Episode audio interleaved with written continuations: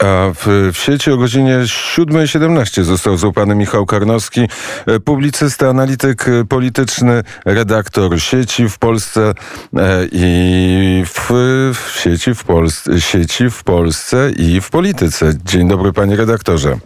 Dzień dobry, witam serdecznie. 7.17 e, poranek, ale te sieci też są rozciągnięte nad, e, nad Polską, bo pomyślałem sobie o tych czterech żywiołach, które, z którymi ma do czynienia premier Mateusz Morawiecki, kryzys na granicy, COVID, inflacja i krajowy plan odbudowy. Jak myślisz, czy rząd sobie z tym wszystkim poradzi? żywioły, a niekiedy jeźdźcy apokalipsy, takie mam wrażenie, którzy, które hasają gdzieś po świecie, którzy hasają gdzieś po świecie e, szerzej, bo jak się właściwie zajrzy do, do, do, do któregokolwiek z obszarów narodowych, politycznych, do tych wspólnot, e, które, które jeszcze w ramach państw narodowych funkcjonują, to wszędzie dostrzeżemy e, właściwie te same problemy i te same narracje. To znaczy rząd sobie zwykle nie radzi z epidemią, albo dlatego, że za bardzo przyciska, albo że nie przyciska i podobnie jest inflacja. No, mamy sytuację, w której chociażby amerykańscy republikanie wręcz no, dokonują takiej politycznej e, rewolty tak, w odniesieniu w stosunku do demokratów, właśnie opierając się na temacie inflacji. To jest ich, główny, ich główny przekaz, ale to jest oczywiście zjawisko światowe. Wielka Brytania, The Economist szacuje, że do 6% w Stanach Zjednoczonych ona również bardzo, bardzo pędzi. Nawet w Niemczech jest dość duża inflacja, więc e, są tutaj wśród tych tematów, które wymieniłeś, są te, które są jak gdyby ponad nami, ponad Polską i są te rzeczywiście oczywiście, które są typowe, charakterystyczne dla Polski. I tutaj bez wątpienia pieniądze z Funduszu Odbudowy, które się nam należą i są bezprawnie e, blokowane, to jest taki temat e, e, no, specyficznie polsko-węgierski, bo te dwa kraje są na celowniku z powodów politycznych. I mamy jeszcze drugi temat, czyli granica. No to już jest bardziej wspólne dla flanki wschodniej Unii Europejskiej. Ja myślę, że sobie musimy poradzić, że to są bardzo, bardzo trudne sprawy, ale że Polska nie zasypia gruszek w popiele że we wszystkich tych tematach, ja mam takie poczucie, jest wysiłek skoncentrowany i skondensowany, chociaż oczywiście trwa e, także wewnątrz obozu Zjednoczonej Prawicy bardzo poważna dyskusja,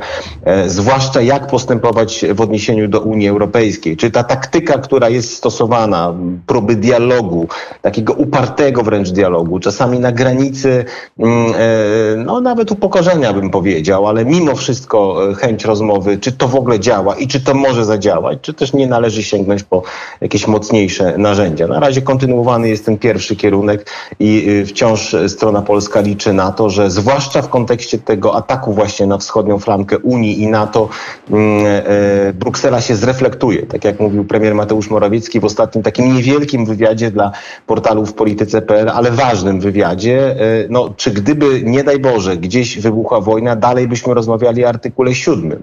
Mamy napięcie na granicy rosyjsko-ukraińskiej, mamy atak y, przecież skoordynowany y, z Moskwą na granicę y, Unii Europejskiej z użyciem migrantów, nieludzki atak, a Bruksela się zachowuje tak jakby wszystko szło dawnym torem, jakby się nic nie działo.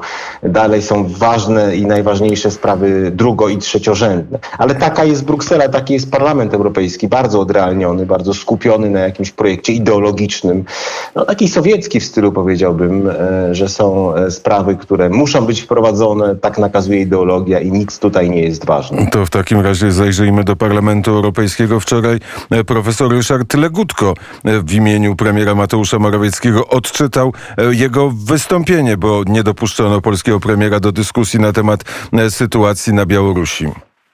Tak, no nie dopuszczono, używając y, takich lub innych pretekstów. To jest nieładne zachowanie, ale też mówiąc szczerze, bym go nie przeceniał, dlatego że no jest faktem, że ten Parlament Europejski, jak go ktoś trochę zna, to wie, że on się czuje bardzo wsobny, że on jest niezwykle dumny, a wręcz pyszny z tego, że jak twierdzi, reprezentuje ducha Unii Europejskiej, praworządność w Unii Europejskiej. No wszystko reprezentuje. Jest ponad państwami narodowymi, tak siebie widzi, jest ponad prawem, tak siebie widzi, jest jakimś strażnikiem e, jakiegoś projektu, który no, do końca nie został obywatelom Unii przedstawiony i tam zwykle takie wystąpienia zewnętrzne są dość, dość, dość dużą rzadkością. E, Ja myślę, że przyczyną było paradoksalnie to, że Mateusz Morawiecki dobrze wypadł w czasie ostatniej debaty w Parlamencie Europejskim i rzeczywiście zwracając się trochę też do narodów europejskich, kilka ważnych rzeczy powiedział. Chyba nie chcą w Parlamencie Europejskim, żeby e, takie fundamentalne sprawy, jak to, że musimy bronić granic, jak to, że no, migranci mogą być używani jako broń, że to nie zawsze jest kryzys humanitarny, znowu tam wybrzmiały, ale premier, przepraszam, pan pre, profesor Ryszard Legutko tutaj zastąpił, myślę, godnie mm, pana premiera. To było dobre wystąpienie na wysokim poziomie, spokojnie odczytane mm, i to, to tę rolę spełniło, a premier trochę dzięki temu miał uwolnione ręce i mógł też dołożyć do wczorajszej mar- marszruty ofensywy dyplomatycznej Chorwacji, która w ostatniej chwili wpadła. O polityce zagranicznej będziemy dużo rozmawiać w poranku, a my teraz skoncentrujmy się na COVID-zie. Coraz więcej jest zakażeń. Jak myślisz, jakie decyzje podejmą dzisiaj politycy, którzy zostali zaproszeni przez panią marszałek Witek na spotkanie dotyczące rozmaitych obostrzeń covidowych? Tutaj y, trochę bym to doprecyzował, jeśli można, bo myślę, że istotą tego spotkania jest nie tyle mm, wprowadzenie obostrzeń covidowych, co przekroczenie pewnej granicy, y, której do tej pory w Polsce nie zrobiono. To znaczy e, próba ograniczenia, może to złe słowo, ale no nie ma innego, dostępu do pewnych e, takich miejsc, zachowań, sytuacji, w których jesteśmy w grupie. E, No, próba jakiegoś tutaj rozgraniczenia w zależności od tego, czy jesteśmy szczepieni, czy nie jesteśmy szczepieni. Oczywiście Konfederacja i wszystkie te antyszczepionkowe ruchy grzmią, krzyczą e, o jakiejś segregacji e, sanitarnej. Nie o to chodzi. Tutaj celem ma być, jak rozumiem, jakiś projekt, który na przykład pozwalałby pracodawcy dowiedzieć się, czy ktoś jest szczepiony i nie zwolnić go za kary. Tak jest w wielu krajach, chociażby strażacy w Nowym Jorku nie, są zwalniani, jeśli nie, nie są e, szczepieni, E, ale chodzi o to, żeby na przykład można tego pracownika przesunąć gdzieś na odcinek, w którym nie ma styczności z ludźmi, em, z klientami. Mm, Bo, bo, bo jak gdyby ca, cała ta debata o covid jest w tej chwili w tym miejscu. Wiemy, że szczepionki działają, wiemy, że są bezpieczne, wiemy, że y, wszystkie państwa, które osiągnęły wyższy poziom szczepienia mają mniej ofiar. Mm, Nawet amerykańscy konserwatywni, tacy bardziej umiarkowani ko- komentatorzy podkreślają, że szczepienie się jest jakby racją stanu, jest elementem interesu narodowego, bo brak szczepienia powoduje lockdowny, a lockdowny są dewastujące dla ekonomii, służby zdrowia i przyszłych pokoleń, ich wychowania, tego w jaki sposób one funkcjonują. I to jest trochę pytanie do klasy politycznej. Ja tak rozumiem to spotkanie pani marszałek Witek. Czy jest taka ponadpartyjna zgoda na przekroczenie tej linii, która w większości krajach jest oczy, krajów jest oczywistością, a w Polsce się do tej pory na to nie zdecydowano.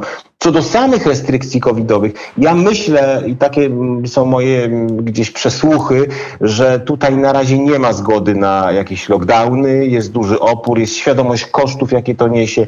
Pewnie lokalne, jeżeli gdzieś jakieś ognisko mocne się pojawi, mm, pewnie właśnie jakiś rodzaj być może takich półśrodków w rodzaju, no nie wiem, jakieś rozrzedzenie komunikacji miejskiej, ale dopóki służba zdrowia daje radę, to myślę, że to będziemy mniej więcej w takiej sytuacji, w jakiej jesteśmy. Dobrze, że przyspieszyły trochę szczepienia. To jest informacja z wczoraj, że e, poprzedniego dnia było 90 tysięcy Czyli przedwczoraj było 90 tysięcy szczepień, czyli jakiś nagły skok. No naprawdę ja uważam, że, że najwyższa pora, bo to jest oczywiste, że ludzie, którzy e, e, się e, szczepią, też się zarażają, to prawda. Czasami mają problemy zdrowotne, ale przechodzą to generalnie w zdecydowanej większości dużo, dużo łagodniej. Ja z racji tego, że często bywam u pana Piotra Semki, mojego przyjaciela, jeszcze w szpitalu, gdy leżał, teraz w ośrodku rehabilitacji, no, gdy, gdy jest to możliwe, bo tam też różne restrykcje są, po prostu st- stykam się z tym i widzę, i wiem, i słyszę od lekarzy, od, y, od pacjentów, że to jest naprawdę proste roz, rozróżnienie. Jeżeli ktoś się szczepił, zwykle w zdecydowanej większości przechodzi ten COVID dużo łagodniej. Jeżeli nie, To są często dramaty. Teraz, co ciekawe, dotykające także ludzi młodych, także ludzi bardzo zdrowych. Tu już ten czynnik taki, e, no, który by wskazywał na jakieś elementy ryzyka, jeśli chodzi o nasze zdrowie i COVID, mm, ten czynnik już nie istnieje albo nie jesteśmy w stanie tego rozpoznać. Na pewno wiek nie jest taką kategorią, więc no, od- odrzucając na bok wszystkie histerie, naprawdę warto, myślę, się szczepić. Nie podzielasz e, zdania polityków opozycji, że rząd w sprawie COVID-u abdykował. No to, tylko to jest tak, tak jak w tym przysłowiu, jak chcesz kija, y, chcesz psa uderzyć, to kija znajdziesz, tak? Bo równie dobrze można by powiedzieć, że rząd y, nie dał rady i wprowadza po, potężne lockdowny. No, rząd ma to pod kontrolą, to jest istota sprawy i nikt właściwie na świecie nie zwalczył COVID-a. No, były podrzucane nam genialne różne pomysły. Wszyscy mają się testować. Słowacja, nie wiem czy Państwo pamiętają, Słowacja cała się przetestowała. Nic z tego kompletnie nie wyszło. Jest w tej chwili w, ostrzejszym, w ostrzejszych restrykcjach niż Polska. E, Więc tutaj poza szczepieniem nie ma innej metody. Nasz poziom moim zdaniem odpowiada no, takiemu naszemu generalnemu poziomi, poziomowi cywilizacyjnemu. E, Szkoda, powinniśmy być wyżej, e, jeśli chodzi o poziom szczepień i rząd stara się utrzymać ekonomię, stara się utrzymać szkoły. To jest naprawdę, e, wszystko ma tutaj dwa końce. Jeżeli zamkniemy, no to jedni są zadowoleni, bo może rzeczywiście jest jakoś bezpiecznie, ale z kolei rodzice dzieci widzą, jak bardzo te dzieci wtedy cierpią, jaka to jest dewastacja dla ich e, e, stanu psychicznego, dla możliwości nauki, dla ich nawet zachowania, prawda, na, jak, jak, jak tracimy kontrolę nad tym, ile dziecko spędza czasu nad kompu, przed komputerem, więc to, to, to wszystko nie jest takie proste. Tu bym powiedział, że rząd moim zdaniem stara się ważyć różne racje i jak ktoś ma złą wolę, to zawsze znajdzie argument, żeby w ten rząd w tym momencie uderzyć, ale przejrzyjmy znowu wszystkie media światowe. Nie ma rządu, nie, który miałby recenzję pod tytułem rząd dał radę, rząd nie abdykował. Wszyscy mają do swoich rządów pretensje. To jest w jakiejś mierze stan naturalny. Moim zdaniem rząd dobrze waży e, te racje i ja też bym rządowi rekomendował w tej chwili nie wprowadzenie ostrych lockdownów i nie mm, i też nie, nie, niezbyt ostry kierunek na jakieś takie presje. No takim jesteśmy narodem, o tym też mówi prezydent Andrzej Duda w ostatnim wy- wywiadzie dla tygodnika sieci, faktycznie, który no, nie przyjmie nadmiernej presji na szczepienia, obudzi się jakiś sprzeciw. Ja nie do końca rozumiem, mówiąc szczerze, chociaż dużo rozmawiam z ludźmi, którzy mają takie poglądy e, te, tej, tej histerii antyszczepionkowej, czy tego, tej postawy antyszczepionkowej, żeby nie stygmatyzować, no ale ona jest e, niestety faktem. Polska nie pęknie, wygramy bitwę o granicę. Taki jest e, tytuł wywiadu, e, którego udzielił prezydent Andrzej Duda tygodnikowi, e, tygodnikowi sieci. To na e, zakończenie e, radzimy sobie na granicy polsko-białoruskiej, twoim zdaniem, czy nie? To jest moim zdaniem jeden z tych momentów, kiedy Polacy mogą mieć poczucie, że e, państwo polskie zdaje egzamin. Mogą mieć poczucie, że ostatnie lata nie zostały zmarnowane, bo stawiam tezę, że gdyby w 2015 Polacy nie dokonali dużej zmiany politycznej i nie byli tej zmianie przez wiele lat później wierni, to my dzisiaj bylibyśmy i bezbronni, to jest jeden element, ale po drugie byśmy kapitulowali, bo przecież pierwszą reakcją opozycji, do dzisiaj zresztą podtrzymywaną przez wielu jej przedstawicieli, było poddać się, było wpuścić, e, było pozwolić przebić korytarz e, ludziom, e, którym, którymi kieruje Łukaszenko, ludziom, których instruuje, którym daje broń, nawet uczy ich, jak zabijać polskich żołnierzy z użyciem noża, bo takie filmy mamy, takie relacje mamy i tu myślę, że to jest moment historyczny, no, bez przesady. Na pewno ten atak, to wydarzenie jest bardzo ważnym wydarzeniem w naszym życiu publicznym i tutaj polskie służby dają radę. Ja jestem pełen podziwu dla policjantów, żołnierzy, strażników granicznych, e, wszystkich służb, które ich wspierają. Możemy być z nich dumni. Kontynuują najlepsze tradycje Korpusu Obrony e, Pogranicza, kontynuują najlepsze tradycje Wojska Polskiego. Bardzo e, serdecznie dziękuję za rozmowę. Michał Karnowski, sieci po, w polityce w Polsce, e, ty, analityk, publicysta, był gościem poranka wnet. Miłego dnia. Wzajemnie miłego dnia dla wszystkich słuchaczy, też mojego bardzo, bardzo lubianego przeze mnie Radia Wnet. Do usłyszenia. w którym usłyszą Państwo teraz piosenkę Pawła Kukiza. Miasto budzi się.